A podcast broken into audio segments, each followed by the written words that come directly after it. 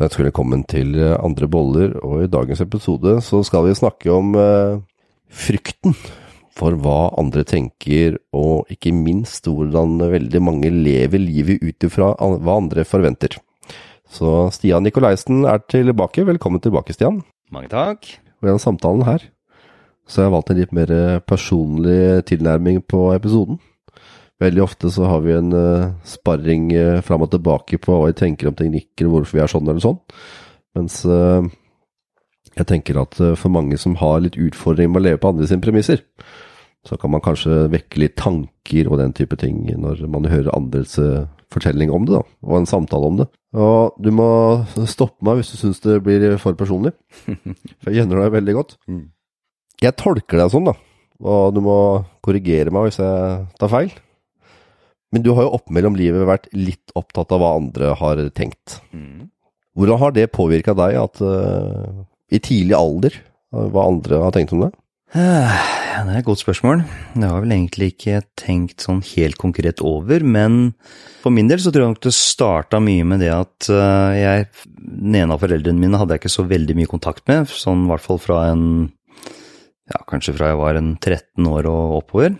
Så blei det mindre og mindre. og og, eh, og de var jo skilt også fra jeg var syv år, så det hadde vært litt sporadisk med den ene eh, fra da tidligere år også. Og jeg tror nok at det, det var Jeg ville nok hele tida prøve å bevise at jeg var noe verdt. Og så tror jeg det blir en sånn Det er det du lærer å kjenne. For at du istedenfor å bare lære deg sjøl å kjenne og gå din egen vei i en veldig ung alder, så prøver du hele tida å, å skulle være god nok for foreldra dine, god nok for lærerne, god nok for de andre vennene dine, elevene osv., osv. Og så bruker du så mye energi, tanker og følelser og tid på faktisk det å skulle leve for å bli godtatt av verden, istedenfor å godta deg sjøl. Så det er på en måte en sånn første forklaring. Og når jeg blei observant på det Ja, jeg blei observant på det Jeg tror det er bare noe som kom gradvis. Når jeg virkelig begynte å bry meg om det. Endra du holdninger, hvordan du var på for andre mennesker, tilpassa du hvordan andre var, eller hvordan Eh, jeg, nummer én, jeg, tror jeg, jeg, jeg vil tippe sånn rundt en, jeg vil tippe sånn rundt en åtte år, faktisk. Så, eh, og det er jo akkurat det som er greia. Jo, jeg gjorde det. Jeg begynte å, å bry meg mye om hvordan jeg blei tatt imot, og registrerte veldig hvordan mennesker tok da meg imot, kan du Ja. si. Ikke sant? Var det et smil? Var det et surt ansikt? Var det, var det sinne? Var det frekkhet? Ble jeg oversett? Så jeg lærte, jeg lærte å føle meg veldig fram da, med mennesker. Det med å føle seg fram med andre mennesker kan jo ha sine positive ting, da. For at man kommer overens med veldig mange mennesker. Jeg har jo kjent deg veldig lenge, og jeg husker at for en lang tid tilbake så sa du at man tilpasser seg veldig mye hele tida, så mister man litt seg selv. Den gangen som du følte at du mista litt deg selv, hva var, eh, hva var liksom årsaken, årsaken til det? Årsaken til det var nok, eh, som sagt, det var nok det tomrommet jeg husker jeg følte. For jeg husker livet mitt var det jeg vil kalle det helt perfekt fram til foreldrene mine skiltes. Eh, Da hadde jeg en sånn glede, sånn, alt var så spennende, og jeg var, husker jeg var så fornøyd. Jeg, jeg, var, jeg, var, jeg var alltid en glad gutt. Og så blei de, de skilt, og jeg måtte flytte delvis til en annen by. eh, Og møtte da stemora mi for første gang, og da kjente jeg på en vanvittig usikkerhet, for hun var ikke noe begeistra for meg i det hele tatt. Eh, Og da kjente jeg på frykt for første gang. Og da begynte jeg å kjenne på den biten at ok, jeg kan ikke bare være meg. Jeg må faktisk finne da måter der jeg kan tilfredsstille andre på, så jeg på en måte kan kanskje få det litt, kall det litt lettere, da. Og så blei det et mønster, det er det man gjør resten av livet, eller? Ja, og så hadde jeg da en mor da, som var eh, liksom, som, som har vært eh, Eller som var en sånn person eh, som alle var så utrolig glad i. Hun kunne snakke med Hun var sykepleier, hun kunne snakke med de verste narkomane, til advokater, til leger, til liksom Det var alle, alle ranger, og hun var likt av alle. Det er klart, Jeg vokste opp med henne, og så så jeg på en måte at oi, ok, hun gjør det, hun gjør det, hun gjør det. Så for meg så blei det bare helt automatikk i det. Og da er vi tilbake til den biten som vi snakka om for noen år siden. Og det er et fantastisk mønster igjen da, hvis du skal Hvis du bare skal på en måte skape skape gode relasjoner med mennesker. Mm. Bare for å skape, kall det liksom glede og at alle skal komme overens, ikke sant?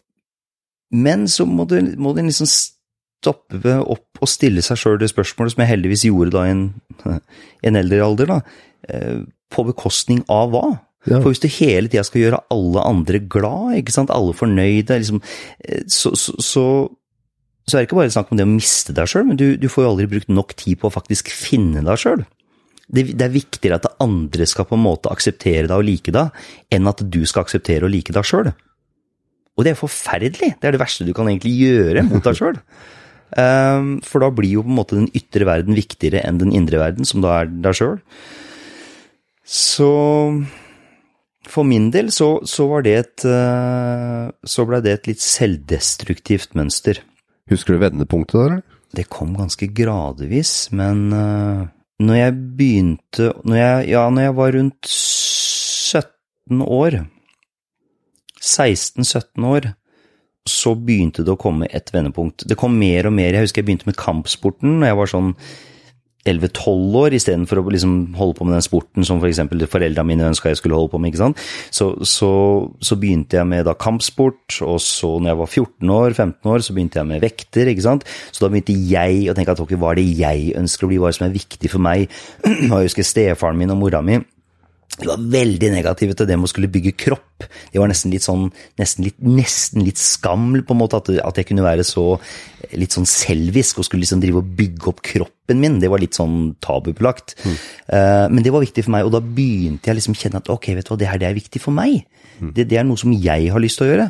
Og da kom det første skiftet. Uh, så det må ha vært der. Så kom det mer og mer og mer. Men det kom nok ikke helt på plass for min del før, uh, før jeg var helt nede med hensyn til ME-biten. Mm. Og da måtte face at jeg da igjen uh, ikke kunne fortsette å se ut sånn som jeg gjorde, fordi jeg hadde brukt så mange år på å trene. Ja. Og da måtte jeg på en måte skape nesten en ny identitet av meg sjøl igjen. Og da ble, det, ble, det, enda et vendepunkt med hensyn til det å finne ut hvem er det jeg er, istedenfor å skulle da please andre. Mm. Jeg husker jo at uh, din stefar var jo en uh, Jeg kan kalle det for en viktig person.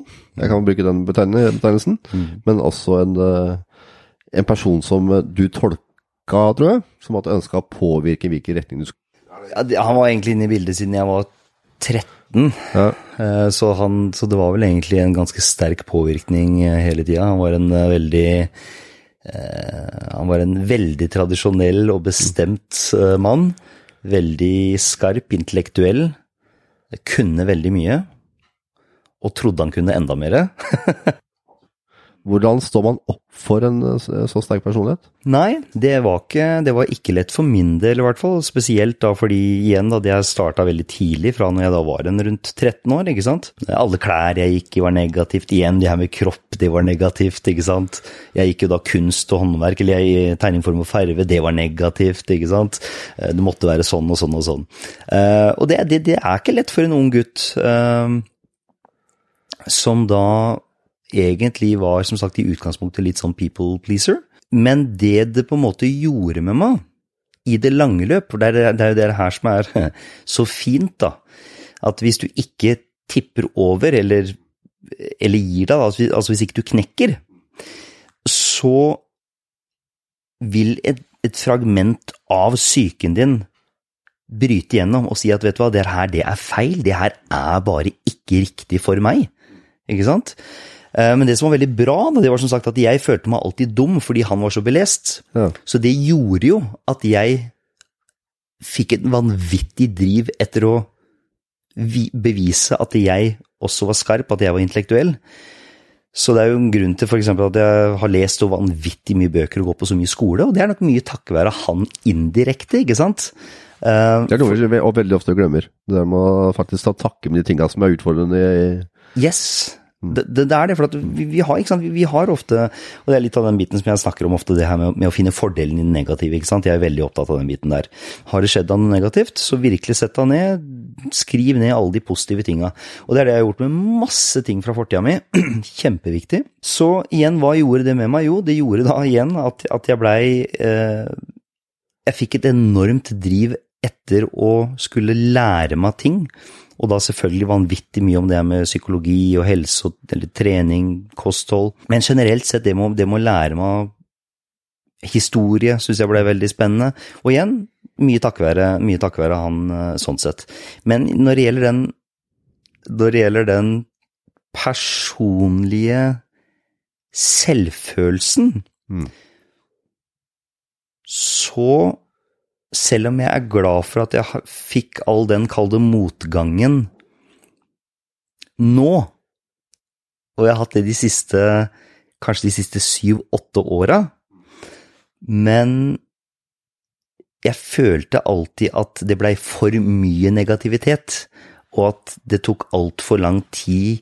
Jeg husker jeg følte meg, jeg følte meg veldig Jeg følte meg så, så rotløs, på en måte. Fordi jeg ville én ting, og så hadde jeg da, som du sier, en så sterk autoritet som, som hadde så mange gode grunner for at jeg burde gjøre noe helt for, totalt annet, og, og, virkelig stikk motsatt av det jeg gjorde. Det var liksom ikke noe mellomting heller. Um, men igjen da, tilbake til det igjen, hvis ikke du da knekker under og faktisk, la oss si, velger et yrke, da, for eksempel, som da en annen eh, part mener at du burde velge, og holder på med det i 30 år, og så sitter du der når du er 55-60 år og tenker at å, jeg skulle valgt noe annet, liksom. Eh, da vil jeg si det kanskje er negativt, for da har du ikke så mange åra igjen. Mm. Men sånn som jeg, jeg gikk igjennom det, og valgte jo å trosse uansett. Hva han og f.eks. moren min mente da, at jeg burde drive med. Så jeg gikk jo jeg gikk jo utdannelsen min, jeg fortsatte jo å trene, ikke sant. Jeg, jeg fortsatte å lese om de tinga jeg ønska å lese om. Mm. Um, selv om jeg da fikk beskjed om at uh, du kommer aldri til å klare å leve og, og, og uh, tjene til livets opphold, men det har jeg jo klart mer enn, mer enn fint nok. Hvilken, hvilke tanker har du som du ønsker å dele med den som lytter, som i dag uh, ikke klarer å trosse og ikke klarer å lese og ikke klarer å stå imot det som en autoritet uh, mener at er mest riktig? Vet du, Det høres kanskje litt klisjéaktig ut, uh, men de tinga jeg skal, skal, si nå Men nummer én, still deg sjøl de spørsmåla. Hva, hva er det som gjør meg glad? Når er det jeg er glad? Når er det jeg er i mitt rette element? Hva er det som gjør meg glad? Kall det lykkelig, inspirert, som jeg har sagt. Folk bruker forskjellige ord. ikke sant? Mm. Entusiastisk. Hvilke personer, hvilke situasjoner, hvilke bøker, hvilke type jobb? Hva er det som gjør at jeg føler at livet mitt kan bli et hakk bedre, eller ti hakk bedre, for den saks skyld? Hvilke mål er det jeg har lyst til å sette meg? Hva, hva, hva er det du sjøl føler at det er viktig og riktig for deg? Hva er det som gir deg en god følelse? Fordi vi vet jo, at altså markedet når det gjelder verden, altså det kan, det kan, på, det kan snu på 20 år, 10 år, 5 år, 1 år. Det som kan være tilsynelatende objektivt sett være smart å utdanne seg som i dag, er ikke sikkert at det er smart til neste år. Men hvis du virkelig holder på med det du er glad i å gjøre, og da snakker jeg om velg de vennene, velg den partneren, eh, velg alle interessene dine, jobben din, Altså, velg de tinga som virkelig gjør deg glad og fornøyd og inspirert og entusiastisk. Da kan du holde på med det resten av livet. Så det er nummer én. Så igjen, sett deg langsiktige mål, sett deg kortsiktige mål, finn ut hva som får deg til å føle deg bra. Og så er det den biten der. Hvis du er en person som alltid følger følelsene dine, det er ikke så mange mennesker som er det i dagens samfunn, de aller fleste de overtenker ting, de føler én ting, og så tenker de kanskje noe annet. Så er det noen som er heldige, de føler og tenker det samme, og de kommer som regel litt lenger. Men det må tørre å følge følelsene dine. Drit i hva andre sier. Ta gjerne råd, da, for all del. Ta gjerne råd, men følg dine egne følelser, for det er følelsene dine. Kall det intuisjon, eh, kall det hva du vil, magefølelse. Men det er den forbanna GPS-en din. Det er det som er retningen. Hva tenker du for uh, en person som uh, er veldig redd for å skuffe andre? Jeg tror, jeg tror veldig mange mennesker som eh, lever et liv basert på andres eh, forventning, gjør det nettopp fordi at de ikke vil skuffe andre. Eh, I ditt tilfelle så tror jeg du gjorde det for at du måtte ønske en måte bli likt, og at du skulle få en fordel, og at ting skulle være hyggelig. Mm. Men så er det også veldig mange som er eh, veldig redd for at det skal At de skal såre noen, da. Mm. Hvilke tanker har du der, da? For det, for det, er, en, det er en veldig hard følelse å overkomme. Man kan sette som mål og sånn, tror jeg. Men eh, det der, i det øyeblikket du liksom skal kjøre i gang de og kjenner å, jeg har ikke lyst til å skuffe mine foreldre, partner, venn det måtte være. Tanker der, eller? Ja, jeg har det. Jeg vet ikke helt om jeg har noe helt totalt konkret svar, men Du har tanker om det, da? Ja, altså igjen da, så kan jeg bare si jeg tror ikke det er noe fasit der, så jeg, jeg tror det er mer, mer tanke. det her blir subjektivt fra person til person, eh, og det er jo det som Altså, det er jo en del av løsrivelsen fra for eksempel foreldra dine, da, ikke sant? Det er jo en del av det med å vokse som menneske. Det med å, og dessverre måtte skuffe noen. Så det er jo på en måte, altså som jeg sier til mange av klientene mine òg, altså du, du, kan aldri få alt. Du, du, får ikke både i pose og sekk. Det er det samme som hvis du f.eks. skal La oss si du går ut av et forhold, da. Ok, så kanskje du har trygghet, men det forholdet er det mest forferdelig kjedelige, mest platoniske forholdet som er. Ok, men du er redd for å miste tryggheten. Greit. Hvis du da blir singel, eller hvis du da velger en annen partner, så kanskje du får alt det andre, men det er ikke sikkert at du får den tryggheten. Ikke sant? Samme greie er det da hvis du skal velge f.eks. Et, et yrke. Du ønsker å bli kunstner, mens foreldra dine ønsker at du skal bli ja, advokat. Ikke sant? Poenget er at det, det viktigste da, Hvis du har en ekte venn, eller hvis du har en mor og far som er virkelig, virkelig glad i deg, og hvis de virkelig er glad i deg, så vil de jo at du skal bli lykkelig. De kan tro at de mener og tror og tenker det beste for deg. Ikke sant? At du kanskje burde bli advokat, eksempel. Det er bare et hypotetisk eksempel, da. Ja. Men sannheten er at de vil jo bare at du skal ha det bra. Det er jo det de egentlig vil. Så det er mange ganger at vi tror at det er det de tenker, for det er det de sier. Men egentlig så vil de bare at du skal ha det bra. Så igjen da, følg det som gjør deg glad. Ja, jeg liker veldig godt den der vinklinga der. Å vinkle om selve hva, hva er det de egentlig mener. Det er at man faktisk vinkler om til at det er, mm. det er, til, det er til ditt beste man ønsker. Yes. Det er ikke nødvendigvis det man sier du skal bli. Ikke sant? Jeg tipper at det er veldig mange av eh, de som lytter, er i en eh, kanskje mer voksen alder. Kanskje mange har kommet over karrierestarten og kommet over i mer voksen alder. Men fortsatt er veldig opptatt av hva mannen sier, kona sier, eller, eller fortsatt hva arbeidsgiver måtte mene, eller, eller hva alle andre rundt måtte mene. Vi er veldig opptatt av hva alle andre måtte mene. Hvis vi snakker om sosiale medier eksempelvis, så er vi veldig opptatt av hva veldig mange andre gjør. Veldig. Du har jo basert ditt liv på å bygge kropp. Og jeg, fra min tolkning da, så tolker jeg at øh, når man baserer så mye av sin tid, og du har gjort det uansett om du har hatt influensa eller sjuk eller hva det måtte være, i veldig mange år nå, så er det for at man også ønsker å få oppmerksomhet for hvordan man ser ut. Men så husker jeg også en liten periode som du ikke trente. Og da var du faktisk nesten like brei over hoftene som du var skuldrene, husker jeg. For det var da jeg var på- da jeg var 30, på Amsterdam-tur. Hva var forskjellen på tankesettet ditt når du var like brei over hoftene som skuldrene, som sagt, kontra når på en måte var det stikk motsatte? Nei, det var jo den tida der jeg bare skjønte at jeg måtte eh, kutte ut treninga, fordi jeg var jo såpass sliten. Så jeg, det var jo den, under den prosessen der jeg bare rett og slett måtte, måtte, måtte begynne å trappe ned. Og da måtte jeg la en del av den personligheten som jeg hadde bygd opp, altså da den muskuløse Stian, dø. For å da igjen tilbake til det med å bytte ut noe, ikke sant? For å bytte ut det med noe som kunne gi meg mer enn den kroppen. Eh, Så rett og slett så jeg kunne vokse videre og bli enda mer glad i den jeg var, da. Hvordan er det man håndterer det rent følelsesmessig når man går fra å få bra, mye oppmerksomhet for hvordan man ser ut, til plutselig ikke kanskje få så mye oppmerksomhet for hvordan man ser ut fordi man har måttet endre seg litt? Hvordan, er den, eh, hvordan håndterer man den følelsen der? Det viktigste da er jo å vite hvorfor du gjør det du gjør, da. Virkelig stille deg sjøl det spørsmålet, ikke sant. Hva, hva er det jeg ønsker, hva er det, hvorfor, hvorfor gjør jeg det her? Så hvis det er gjennomtenkt nok, så er det ikke så Gjorde du vanskelig. det, eller syns du ikke det var vanskelig? Eller? Jeg syns det var vanskelig, men det var mye lettere enn det jeg enn det jeg var redd for at det skulle bli. Ja. Fordi det jeg fikk i bytte, ved å jobbe hardt for det, da, vel merke, ikke sant? ved å begynne å meditere, ikke sant? Ved, å, ved, å, ved, ved å bygge mer opp den indre styrken min enn å fokusere på den ytre, så fikk jeg noe som jeg hadde prøvd å fylle. ikke sant? Det, Det, det tomrommet som jeg alltid, kanskje litt bevisst, men også mye ubevisst, hadde forsøkt å fylle gjennom å få den fantastiske kroppen som kunne bli beundra, ikke sant. Så tenkte jeg at hvis jeg får nok beundring, igjen, ikke helt bevisst, men sikkert mye ubevisst òg, men i hvert fall det var en del av den bevisste drivkrafta, hvis jeg bare blir beundra nok, så vil jeg føle meg full, ikke sant?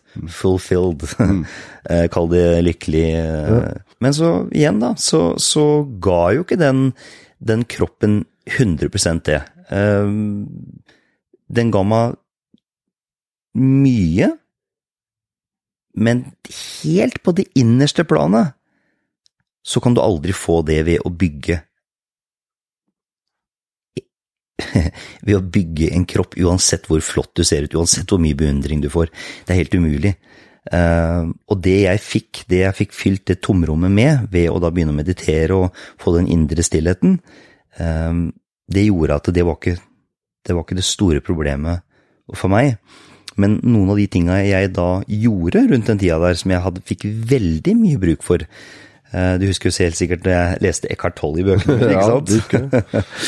Eh, og, og kanskje noe av det mest effektive som jeg noensinne har gjort, det er det med å lære å observere tanken din når den kommer. Og det har jeg snakka om i ti år, men det er så viktig. At ikke tanken og følelsen drar deg helt ubevisst med, ikke sant. Men hvis du vet, la oss si du, sånn som jeg husker da jeg gikk på stranda den, den, det, ene året jeg ikke var i form. og så så jeg folk så på meg, og de bare liksom Herregud, hva er det som har skjedd med Stian, liksom? Eh, Men igjen da, når du da catcher det, og du observerer, du lærer på en måte å catche den tanken, akkurat når den kommer, da får den ikke spint videre. Og det er noe som er kanskje den mest effektive teknikken, en av de mest effektive teknikkene som, som jeg brukte. For nå sitter du og ser tilbake til en episode for, som var for lang tid tilbake. Og du har jo fått med deg mye personlig erfaring, det har jo skjedd mange ting. Og da kan man jo se mange av de positive tinga som man har fått med seg fra perioden. Man ser på en måte lærdommen og erfaringen. Det er gjerne avslutningsvis vi kommer til inn på, er selve følelsen når man står der og ikke har fått erfaringen ennå. For det er veldig enkelt å se hvordan det var når erfaringen har kommet. For da kan man måtte se om meditasjonen løste det, Eckhart Tolle løste det, man se, se på ting rundt og stoppe tankene og sånn. Men jeg tipper at det var perioder du ikke klarte å stoppe tanken, for da hadde du ikke fått alle erfaringene ennå. Så hvordan var det når følelsen løp løpsko etter vann? Da funker ikke, jeg får ikke til. det er ikke sånn som at jeg forventa det skulle være. Hva gjør man da? Eller hva gjorde du da? Jeg vil heller si det i en rekkefølge her, ja. I overgangsperioden, når jeg blei tynnere med mer fett, for å si det sånn, Uh, fra å være veldig muskuløs til å nesten ikke ha noe fett, Uh, så igjen så skjedde det her parallelt, ikke sant. Jeg leste mer og mer i de bøkene, jeg mediterte mer og mer. Men akkurat i brytningsperioden før jeg lærte å mestre det her, så kjente jeg jo på en usikkerhet rundt det å ikke bety fullt så mye i andre menneskers øyne, kanskje. Mm. Eh, Jeg tror kanskje det er den beste forklaringen. Mm. Og grunnen til at ikke jeg kunne si det sånn eksepsjonelt kjapt i stad, er fordi som sagt det gikk ganske fort over, men, men, men, men den biten med å da ikke få den Å ikke få den wow, eller den beundringsbiten Ja. Ja. Ja, for det var nemlig den jeg søkte litt etter. Mm. For i det øyeblikket man eh, går fra å ha én identitet Da må man, man har bygd seg opp en identitet på noe, som i de tilfellet var en kropp, eller for noen andre måtte være noe annet. Mm. Og så plutselig så stiller man seg om man gjør det motsatte. Så vil det på en måte komme noe redsel. Det er helt naturlig. For man vil jo gjerne ha det man alltid har hatt. Og når det plutselig forsvinner den, den identiteten man har bygd seg opp, så må man jo begynne å bygge opp en ny identitet. da. Mm. Og sånn som siste spørsmål, så husker du hva som gjorde at du ble trygg på at den nye identiteten skulle gi deg det som du hadde hatt før, men på en annen måte? Det gjør jeg. Og det var som sagt det Det innerste, innerste tomrommet som jeg nok, som igjen, ubevisst og bevisst, prøvde å kompensere for og prøvde å fylle opp med noe. Eh, det blei sakte, men sikkert mer og mer og mer fylt opp. Og da fikk jeg mer og mer, og igjen, det gikk ikke i en håndvending. Nei, det, Det her har vært eh, mange år med, med hardt arbeid, men, men jeg fikk mer den indre roen, eller jeg kaller det for freden, da. Ja. Og det, det gjorde mer enn å bare kompensere. Mm. Det ga meg så mye mer. Og når jeg da begynte å trene igjen, da begynte jeg å trene av en helt annen grunn, for da begynte jeg å trene mer for min egen del, ikke sant? Så det var noe som Det var bare noe som skulle gjøre meg glad. Mm. Uh, det skulle ikke være fordi at jeg skulle være noe spesielt i andres øyne lenger. Mm. Um, Tusen takk for at du delte dine personlige erfaringer med både fra tidlig barnealder og et, og et eh, brytningspunkt når du ble eldre. bare hyggelig. For de som eh, ikke har hørt på de andre episodene, Stian, hvor er det de kan finne deg? De finner meg på Nico Transform with Purpose på Instagram. Der kan du også bare skrive Stian Nikolaisen eller The Nikolaisen Method, så kommer jeg opp der. Og så er det Klinikk Nikolaisen, eller da Stian Nikolaisen på Facebook. Har du nettside, eller? klinikknikolaisen.no. .no, ja. For deg som lytter, så håper vi du satte pris på litt annerledes format på dagens episode. Når vi sier bare tusen, tusen takk for at du hørte på. Ha det bra. Ha det.